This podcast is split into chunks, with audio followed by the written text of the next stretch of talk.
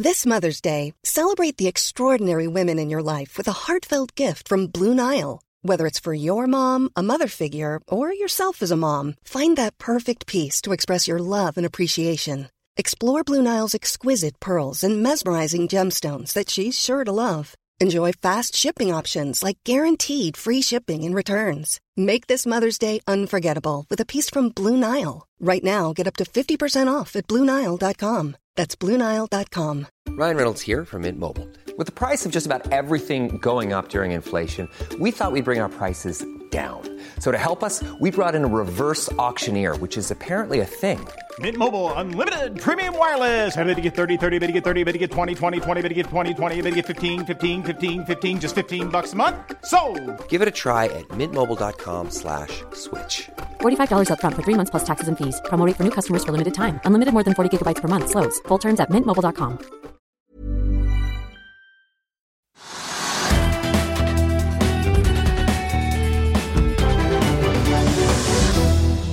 Velkommen til Økonominyhetene. Det har blitt mandag 17. april. Streiken er et faktum, og den kan bli trappet opp fra fredag hvis ikke LO, YS og NHO blir enige før det. Vi har tatt en prat med NHO-sjefen Ole Erik Almli og Trygve Hegnar.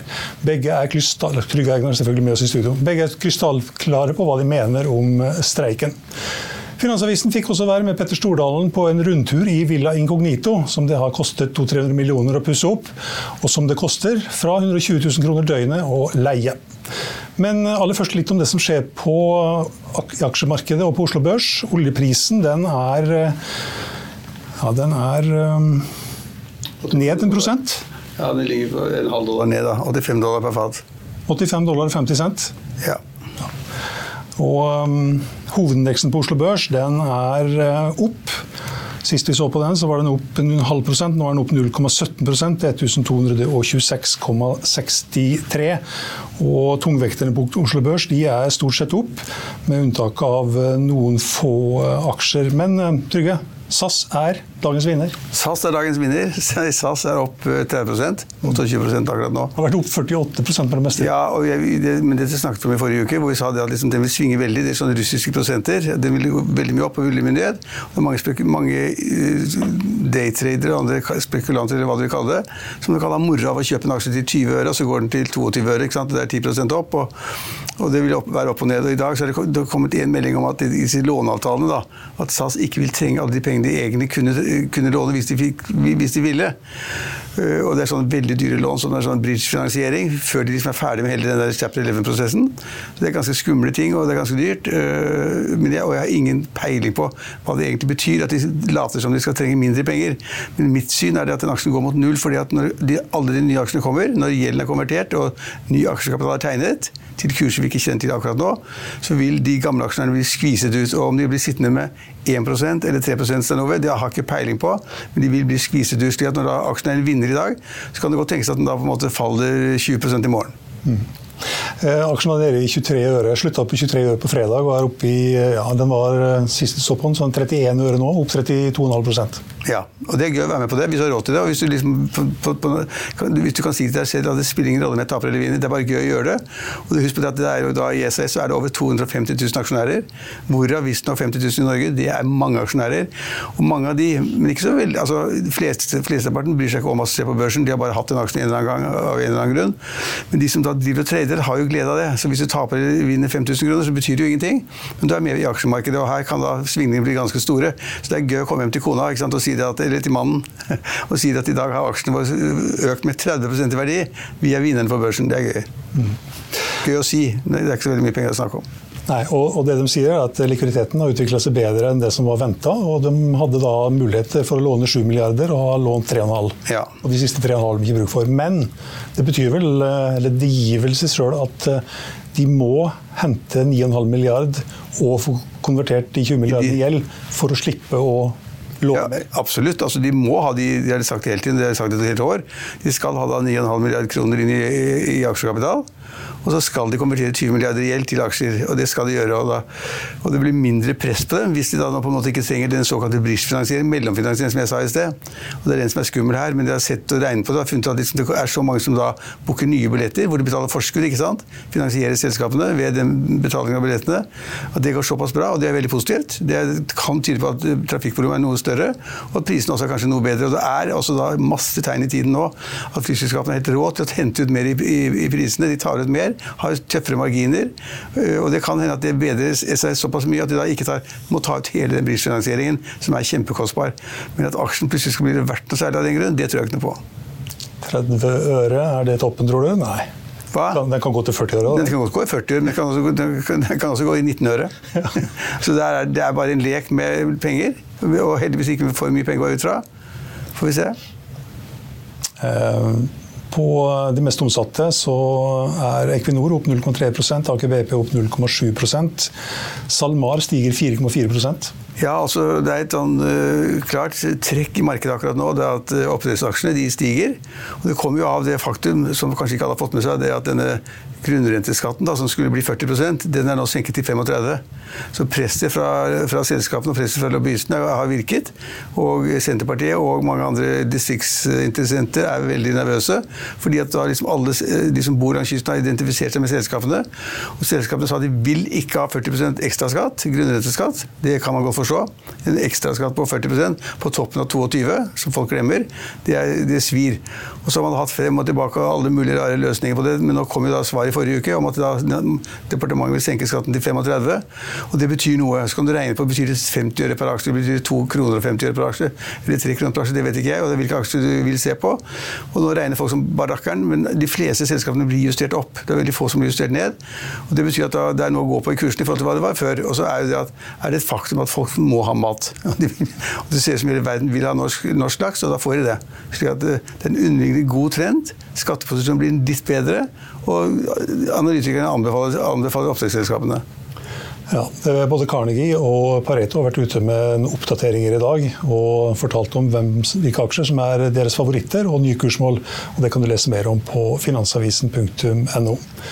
Men eh, vi kan jo også ta med da, at uh, lakseprisen har jo en god del å si her, og den er rekordhøy. Er den 100 kroner nå? Hvor høy er den? Er den 90 kroner? Den billigste laksen er den som er 2-3 kilo. Den koster 111 kroner kiloen. Ja. Og den store, som skal være kanskje den mest, mest eksklusive, den koster opp mot 140. Det er fantastisk. Altså, da, da, jeg så på oppdrettsaksjene for et par år siden, to-tre år siden, da var snakket man om en pris på 60 kroner og 70 kroner. Så Hvis man da, liksom, da plutselig har fått priser på 110 eller 130 kroner, så er det, det er eventyr. Og da tjener selskapene vanvittig mye penger. Og det, da vil mange etterpå kunne si at der ser samfunnet burde få en andre av den gevinsten. Og at grunnrenteskatten er på sin plass, vil folk si kanskje litt med rette òg. Det skal ha vært også en høring på Stortinget i dag i finanskomiteen, men jeg har ikke fått med meg noe, nytt derifra. Nei, jeg kan ikke tenke meg. Men i alle fall, hvis prisen er på det nivået du snakker om, det har jeg faktisk ikke helt fått med meg i det siste. Jeg trodde man holdt på å surre rundt på 90 kroner per kilo, men hvis det er over det, så tjener de veldig mye, mye, veldig mye penger. Ja, når det kom noen prognoser på fredag, da hadde, hadde vel Intrafish snakka med noen ja, aktører i bransjen mm. som antyda en pris på opp mot 140 kroner kiloen. Det, det tror jeg er rekord. Det høres ut som rekord. Det er iallfall langt over de tallene jeg jobbet med da jeg analyserte næringen for noen år siden. og fant ut at jeg skulle bruke noen hundre millioner kroner på det, hvilket jeg også gjorde. Men så fant jeg at, gevinsten ble så stor så raskt at jeg orket ikke være der lenger. Jeg måtte ta gevinsten, og da var prisen halvparten av det det er på nå. Mm. Ja, ta med at Fintech-selskapet Hødli faller uten at det er kommet noe nytt fra selskapet i dag. Eh, og heller ikke den siste måneden. Finansdirektør Ragnar Kjos han meldte 26.1 at han ikke ville være med lenger, men at han ville fortsette til ny var funnet. Foreløpig ser det ikke ut som at den jakten har gitt noen resultater. Hydro er også en av de aksjene som eh, faller litt i dag. Er, den var ned 0,8% sist vi så på, nå er den ned 1,2% og Det kan forklares med at anleggene på Karmøy og i Årdal rammes av streiken. Martin Mølsæter, som forvalter aksjefondet First Generator, har kjøpt seg opp i Vår Energi. Aksjen er ned 18-19% i år og ned 27% det siste året.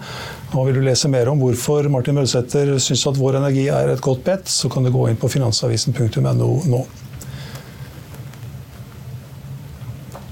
Norcod, som driver med torskeoppdrett, Trygve, har du hørt noe fra dem i det siste? De skulle jo hente mye penger før helga? Det, er, det, tror jeg jeg har gjort også. Jeg har ja, De henta 190 millioner ja, og, til 30 kroner. Men jeg, altså, jeg liksom er liksom skeptisk. altså Havet renner over av torsk, og så skal du drive oppdrett av torsk. Det, det, kan bli en business. Jeg vil ikke bruke penger på det. Det er imponerende at folk gjør det. Det er folk som kan det. Og Det er sikkert metoder for å få det til. og Man drømmer om da samme, samme fremtiden som da oppdrettsselskapene innenlands har. og det, vel, Jeg syns det er tøft å bruke penger på det. Det ville jeg ikke gjort. Når havet er fullt av torsk? Havet er fullt av torsk. Det glir inn i Lofoten. Det er bare det er uendelig. Vil du bli oppdatert på det viktigste som har skjedd innen finans og næringsliv? Da er det bare å følge med, for hver morgen er jeg, Marius Lorentzen og aksjekommentator Karl Johan Malnes på plass i studio for å ta tempen på dagens marked i Børsmorgen. Og hver ettermiddag oppsummerer vi alt du trenger å vite i økonominyhetene, og det blir selvfølgelig masse interessante gjester. Klikk deg inn på fa.no-tv, eller søk opp Børsmorgen og Økonominyhetene der du hører på podkast. It's that time of the year. Your vacation is coming up. You can already hear the beach waves, feel the warm breeze, relax, and think about work. You really, really want it all to work out while you're away. Monday.com gives you and the team that peace of mind. When all work is on one platform and everyone's in sync, things just flow wherever you are. Tap the banner to go to Monday.com.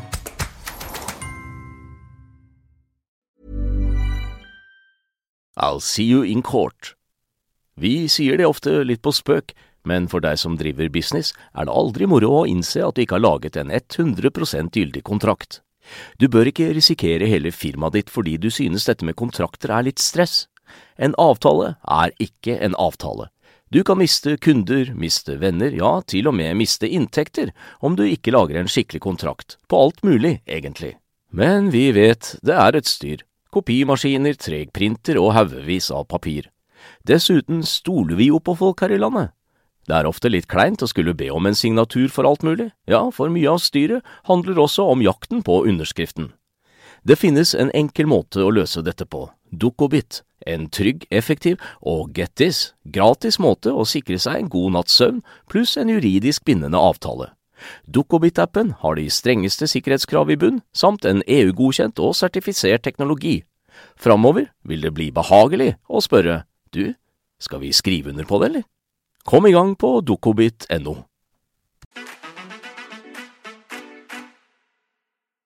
vi må snakke litt om streiken, Trygve. Det har vel kanskje ikke kommet noe nytt i løpet av dagen, men uh, det ble streik?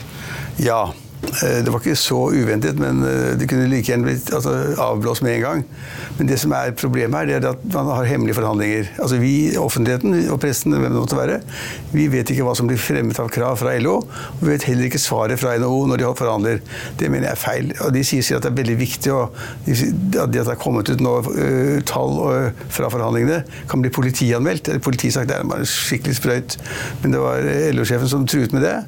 Og, og, og Riksmegleren sa da at det vil jeg ikke kommentere før alle forhandlinger er ferdige. Men det som er poenget nå, er at det er mystisk liten avstand mellom partene. De går ut i en kjempestreik etter å ha forhandlet i halvannet døgn, altså, eller to døgn. De begynte fredag klokka ti, skulle slutte da lørdag klokka 24.00. Og så holdt de på en, litt utpå søndag til ettermiddag klokken fem-seks eller sånn. Og det var en kort forhandlingstid, men jeg, eh, men nok til å legge frem hovedtallene. Og det man nå vet, ganske sikkert, for at LO er så sinna for at det har kommet ut, da, da, da stemmer det sikkert det er det at uh, Riksmegleren og NHO på en måte bygde sine, bygde sine svar til LO på en skisse som sa at summen av lønnstillegget skulle bli 5,2% 5,2% over. Det er veldig lite over de 4,9 som da var på en måte minimum. altså De skulle dekke da prisveksten, slik at man fikk en reallønnsøkning. Alle skjønner det at, at 5,2 er, er mer enn 4,9, så der er det en reallønnsøkning. Så de egentlig er i mål. Men, og det sier også NHO, man, egentlig er man i mål, for det er så liten avstand mellom dem. Og så streike på den, den differansen er helt tåpelig. Jeg mener det er helt meningsløst. Hadde, hadde LO bestemt seg på forhånd? Nei, men så sier LO det at liksom, nei, det er, hvis, hvis, det er, hvis, det hadde vært 5,2, som da NHO sier, og som da på en måte jeg tror også Riksmegleren har bekreftet, så kom vi til forhandlingsbordet med en gang, og streiken avblåst i løpet av morgendagen, har hun sagt.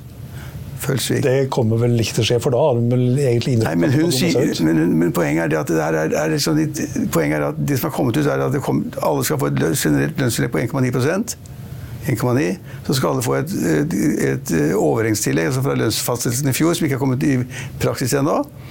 Og så skal man da gi et, et, lavt, skal vi si, et lite tillegg ekstra for de som skal forhandle i hver enkelt bedrift. Summen av det blir, blir da 5,2. Da sier LO nå, og Følsviken sier det at nei, det er ikke 5,2, for noen av våre medlemmer, de som tjener dårligst, de som er lavest nede, de har ikke fått det ekstra lille tillegget som gjør at de også da på en måte er sikre på at de får en reallønnsvekst. Ikke sikker. Og Det er ganske tynne greier altså, å argumentere for det. for uh, Da kunne man kanskje gitt noe ekstra til noen enkelte grupper. da. Men eh, det, det, som skjer nå, er nemlig det at NHO sier at det er klart at det generelle tillegget kommer, overhenget kommer, og så må hver, hver fagforening forhandle i hver enkelt bedrift, slik at man får, får liksom litt ekstra penger ut av de bedriftene som går veldig bra. Det får de til. Det er ikke noe vanskelig å få til i det hele tatt. Og hvis man får med det lille ekstra tillegget for de nederste, så vil man ha nådd reallønnskravet hele tiden, og streiken kan avblåse i morgen. De kan ikke sitte i ukevis og streike. Altså, transportmidler, øl og mineral, mineralvalg og mat og hva det måtte være, er utsatt for en streik. En kjempestreik hvor liksom, man mobiliserer. Nå, nå er det 24 000 hver streik. streik. Skal det komme 15 000 til, så det nærmer seg liksom da Hva blir det? 30 000? 40, nærmere 40, ja. nærmere 40 Det skal være streik da, hvis alle kommer, da. Det skal komme 15 000 til på fredag. Eh, og jeg mener Det er absolutt absurd at man skal da krangle om en så liten forskjell, når de i realiteten er enige, om de hovedtallene. Og det lille tillegget som da angår de der som tjener minst, som er da på en måte da hva, kaller man intern glidning, kaller man det vel i sånne forhandlinger. Den interne lønnsglidningen i bedriftene. Det må man kunne klare å få til. Så det er ikke vanskelig i det hele tatt. Og hvis ikke LO går med på det, så er det bare for å være kranglete. Og vi tok en prat med NHO-sjef Ole Erik Amli litt tidligere i dag, og han var ordentlig overraska. Ole Erik Andli, Trygve Heinar går ut i dag og sier at denne streiken er eh, så dum at den burde vært over allerede. Han mener at dette, partene står så tett hverandre at det er ikke noen grunn til å gå i streik her. Hvorfor er det streik nå? Jeg er helt enig i at denne streiken er fullstendig unødvendig. Og når vi fikk en skisse på bordet fra Riksmekler i helga, og vi strakk oss langt for å si ja til den, så ble jeg ordentlig overrasket over at motparten sa nei eh, til den, og dermed tok Norge ut i streik. Det er helt unødvendig, og vi burde fortest mulig komme dit at vi avblåser den streiken. Det som eh, henger litt med her, er at man vet ikke helt hva dere har tilbudt og hva motparten har krevd. Hvorfor er det så mye hemmelighold om disse forhandlingene? Ja, så er det litt nyanser her, for Når vi har våre tilbud og de har våre krav, så det så sin sak. Men når riksmekler velger å lage en skisse, som man sier da, så har riksmekler veid de ulike kravene og tilbudene opp mot hverandre og legge fram en skisse på en løsning som riksmekler mener det er sannsynlig at partene kan si ja til. Så den skissen var jo for oss eh, egentlig ganske Det krevde at vi strakk oss veldig langt. da. Vi måtte gå en ordentlig runde for å se om vi sier ja til den skissen. Og det gjorde vi. Eh, og da man ser at motparten sier nei, så ble jeg veldig overrasket. Og så har vi ikke lov til, altså ordentlig bokstavelig talt ikke lov til å si noe av det som sto i de skissene, for det er taushetsbelagt, og derfor så vil jeg ikke kommentere det. Og så er det ulike spekulasjoner ute i media. Det eneste vi har sagt, det var fordi at LO valgte da, pussig nok, å si at det ikke var økt kjøpekraft i den skissen, og det er det virkelig i den skissen som lå der, men utover det vil jeg ikke kommentere noe. Nei, for De peker på at det er de lokale tilleggene din diskusjonen nå står om. for de mener at de lokale tilleggene vil ikke gi en reell eh, lønnsvekst. Er dere enige eller uenige i det? Nei, jeg hører det, kaller det lekepenger eller papirpenger. hva det gjør. For bedriften er jo dette penger. Og vi har jo lang tradisjon for at den lokale lønnsdannelsen er en del viktig del av det lønnssystemet vi har i Norge. Så lokalt har vi jo hatt mulighet til å ha lokale forhandlinger fordi at vi har sterke bedrifter, vi har sterke klubber, og de skal ha muligheten til å håndtere dette. Og det er jo vel kjent, over tiår etter tiår, akseptert at i hvert fall to tredeler av lønnsdannelsen skal være lokal. Vi kan ikke kaste det på båten. Nå har jo flere sjeføkonomer gått ut og sagt at den streiken kan medføre økt risiko for en tredje renteheving. Hva tenker dere om det? Det har jeg ikke noen kommentar til nå, men klart at når du får en streik som dette, så er det veldig overraskende for mange, også oss. Og Vi må jo passe på at vi gjør alt vi kan for å holde økonomien der den skal være. Holde økonomien i Norge under, eller sikre at det er også vekst på sikt. Og Nå er det jo mange bedrifter som er ute i streik som ikke trengte det. Som har dårlige framtidsutsikter og får dette på toppen. Om det fører til renteøkning, vil jeg ikke kommentere. men jeg skjønner jo at man er redd for at dette løper løpsk, og derfor så var det viktig at den skissen ble akseptert. Jeg syns det er veldig dumt å stå her og snakke med deg i dag om det som ble en streik i et mellomoppgjør for første gang siden krigen. Kan det være at NO og LO og YS ikke har skjønt hele skissen? Altså, de, de, får den lagt på bordet, de sitter på hver sin, sin, side av bordet. Og den er såpass enkel at den burde de forstå. Og som da Almli er inne på, eh, det går jo om det lille ekstra tillegget der som er lønnsglidning internt, eller hva de kaller det. Lokale forhandlinger. Og hvis man liksom ordner på det, så sier jo da LO-ledelsen at hun kommer løpende og kaster om halsen på Almli. Og da er differansen så, så liten at det er tullete å fortsette. Jeg, jeg, det er mulig at hun ikke har forstått det helt, jeg, jeg tviler på det. Jeg tror hun er litt kranglete, litt irritert. Fordi man liksom da har fått de, de var jo, altså var veldig opphengt i liksom topplederne fikk så sterk lønnsvekst. Det har jo ingenting med tariffoppgjøret å gjøre. Det er liksom en sånn ja, politikk, da. Sosialpolitikk, pornografi, hva det måtte være. Det har ingenting med det å gjøre. Og de fikk sagt det, men ingen som brød seg om det. Og så har man da på en måte nå et mellomoppgjør hvor man ikke man har ikke sedvane for å streike. ikke sant? alt går greit. Og så tenker kanskje at på LO-siden så det, at det går for greit, dette her. Liksom. De slipper unna med 5,2% ikke sant? Det er rakkeren. Og så er det et poeng som ingen har nevnt i dag, som jeg har vært eh, innom flere ganger skrevet noen ledere om. Det er at jeg tror ikke på de 4,7 eh, prisvekst som de opererer med. Jeg tror det blir, lang, jeg tror det blir mye høyere. Mm. Ja, 4,9, unnskyld. 4,9. Som de opererer med, fordi at Statistisk sentralbyrå kommer 4,9. Og det er det liksom tallet eller dokumentet de, de støtter seg til. Så jeg tror at den prisveksten blir høyere. Derfor ville det ikke forundret meg om LO hadde sagt at vi må ha 5,3 eller 5,4 for å være helt sikre på at selv om da 4,9 ryker og det blir liksom en prisvekst på 5 eller 5,1, så blir det reallønnsvekst uansett. Så det kunne man gitt, men nå har man da blitt enig om å liksom forhandle ned på 5,2. Uh, og han det, det var bare så opp, som oppklare det, altså, det er åpenbart slik at partene kan opp, opplyse i offentligheten hva de har krevd, og hva som blir tilbudt. Men de kan ikke offentliggjøre hva da riksmeglerens skisse er. Så Det er litt to forskjellige ting, da. Nei, men Steinove, dette er altså så liten avstand, og det som NHO nå sier til oss her i dag nå, er at de skjønner at de mener streiken er meningsløs, og dette burde man forstå og bli enige om. Og da burde de kunne sette seg ned over bordet og finne ut de meningsforskjellene som er, hvis det er noen. Det høres ikke ut sånn som argumentene har vært her, at om det hadde vært 5,3 eller 5,4 eller 5,5, så hadde det kanskje ikke gjort noen forskjell. Det hadde vært nei allikevel det høres nesten sånn ut, for de er, de er litt sure og avvisende på alt mulig rart. Også den omstendighet, hvis den er sann, da. Det kom da meldinger om at klokka to om natta, natt til søndag, så kom da liksom LO med krav om enda flere mulige tatt ut i streik. Og det kom liksom midt under forhandlingene, midt på natta, hvor alle var trøtte og grinte. Og at LO kom med det for å liksom presse NHO litt. Så at stemningen er litt dårlig. Tilsynelatende har det vært superstemning mellom Anneli og, og, og LO-lederen hele tiden. Nå tror jeg det er litt sånn ganske humpete. og da, da ville kanskje ikke hjulpet om man hadde kommet på 5-2 eller 5-3 da, men men altså 5-5 eller 5-6 de hadde LO godtatt uten å blunke. Og jeg bare avslutter med å si at eh, de har sagt i dag at hvis vi får 5,2, og, og, og NHO kan bevise at det kommer alle våre medlemmer til, til, til gode, så er vi der med en gang. Da syns jeg de skal møtes i kveld og skal avløse streiken i morgen.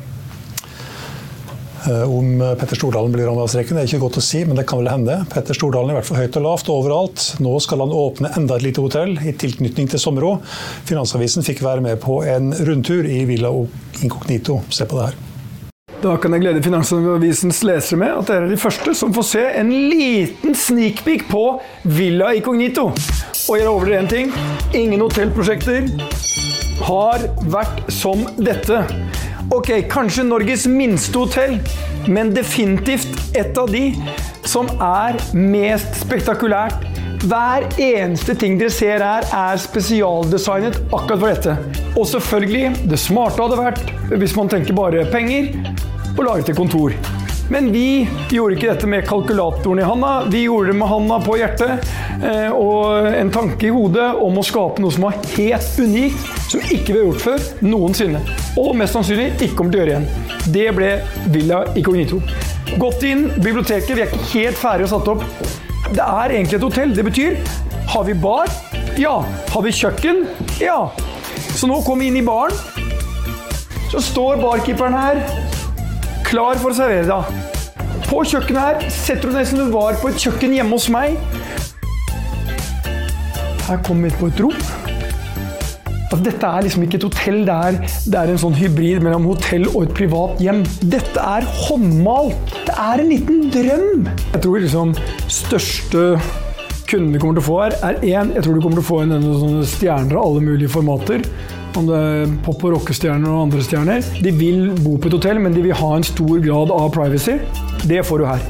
Du kan booke ett rom, og du kan booke hele huset. Vi åpner for begge deler, og er det noen som sier jeg skal ha hele huset, så får du hele huset. Totalt så har jo eh, hotelldelen i Sommero den blir vel på 2,6 milliarder. X boligene vi bygde og solgte, og x alt annet. Eh, og det er, eh, det er vel ingen hoteller i Norden eller svært få i Europa som har investert så mye i forhold til antall rom. Og Villa Iconito isolert sett, som, fordi det er en tomtekostnad og det er eh, byggkostnad og litt sånt noe, det er utvendig og innvendig, men at det har kosta 200-300 millioner å gjøre dette, det er jeg ganske sikker på. Du får denne sjansen én jævla gang i livet ditt. Og vi fikk den, og vi tok den.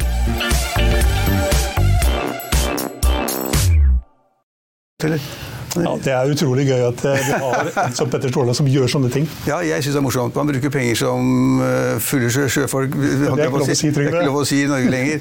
Nei, men han, han, han, han, regner mye mer på det enn det han vil innrømme. Jeg snakker veldig mye med Petter. Han er kjempeflink, og han regner hele tiden og kalkulerer. og uh, Er god, faktisk, men når han står frem på sånn offentlig som dette er, så er liksom, spiller ingen rolle. Penger spiller ingen rolle. Jeg vil bare ha det, for dette er det som banker hjertet mitt. Men han har jo da 220 hoteller, og han snakker jo like positivt om alle hotellene sine, uten unntak. Eh, Men han satser på Sommero. Det er et kjempeprosjekt hvor det er åpenbart blitt en suksess uten like på selve spisedelen, på restaurantdelen. Og så har han da hotelldelen som er ganske liten, og så kommer dette ekstrahotellet, det ekstra bygget ved siden av. Og Han er, han er på en måte en stå-på-kar. Han satser, han bruker mye penger på det. Han kom igjennom den der krisen vi hadde i 2020 og 2021, som var forferdelig for Petter. Så han lånte ekstra 1 milliard kroner i DNB og gikk ned til toppsjefen og sa at jeg trenger en milliard for å komme gjennom dette. Og hun sa her har du det, vær så god. Og vi kom gjennom det, og han kom gjennom det med, med full fart. Og så, og så har han da gått, stått hele tiden stått på de prosjektene han har, som han har startet opp, som også dette prosjektet er. Han er en fantastisk hotelleier. Det er godt gjort. Ja, det er godt gjort. Eh, Vi skal runde av. Vi kan ta med at hovedindeksen fremdeles er opp som vi da starta, med opp 0,17 1226,57 nå. Oljeprisen den eh, er ned en prosent til 85 dollar og 45 cent. Vi kan også ta med hvordan det står til på børsene i Europa. Her er litt blanda i dag. Det er opp 0,2% i London. Så er det ned eh, tilsvarende i Frankfurt, Paris og i Milano. Og så er det opp 0,3% i Madrid. og Stox 600 er helt flat. På børsene i eh, New York så ligger det an til en eh, svak åpning. Nasdaq den er helt flat. Eh, SMP 500 og Dow Jones indikeres å kunne åpne opp 0,04% og 0,11% Det var økonominyhetene her på Finansavisen på denne mandag 17. april. Vi er tilbake igjen her med Børsmorgen mandag unnskyld, i morgen.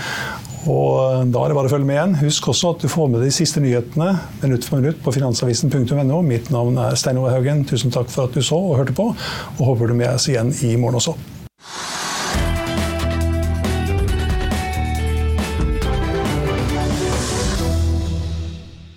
Økonominyhetene er en podkast fra Finansavisen. Programledere er Marius Lorentzen, Stein Ove Haugen og Benedikte Storm Bamvik. Produsenter er Lars Brenden Skram og Bashar Johar.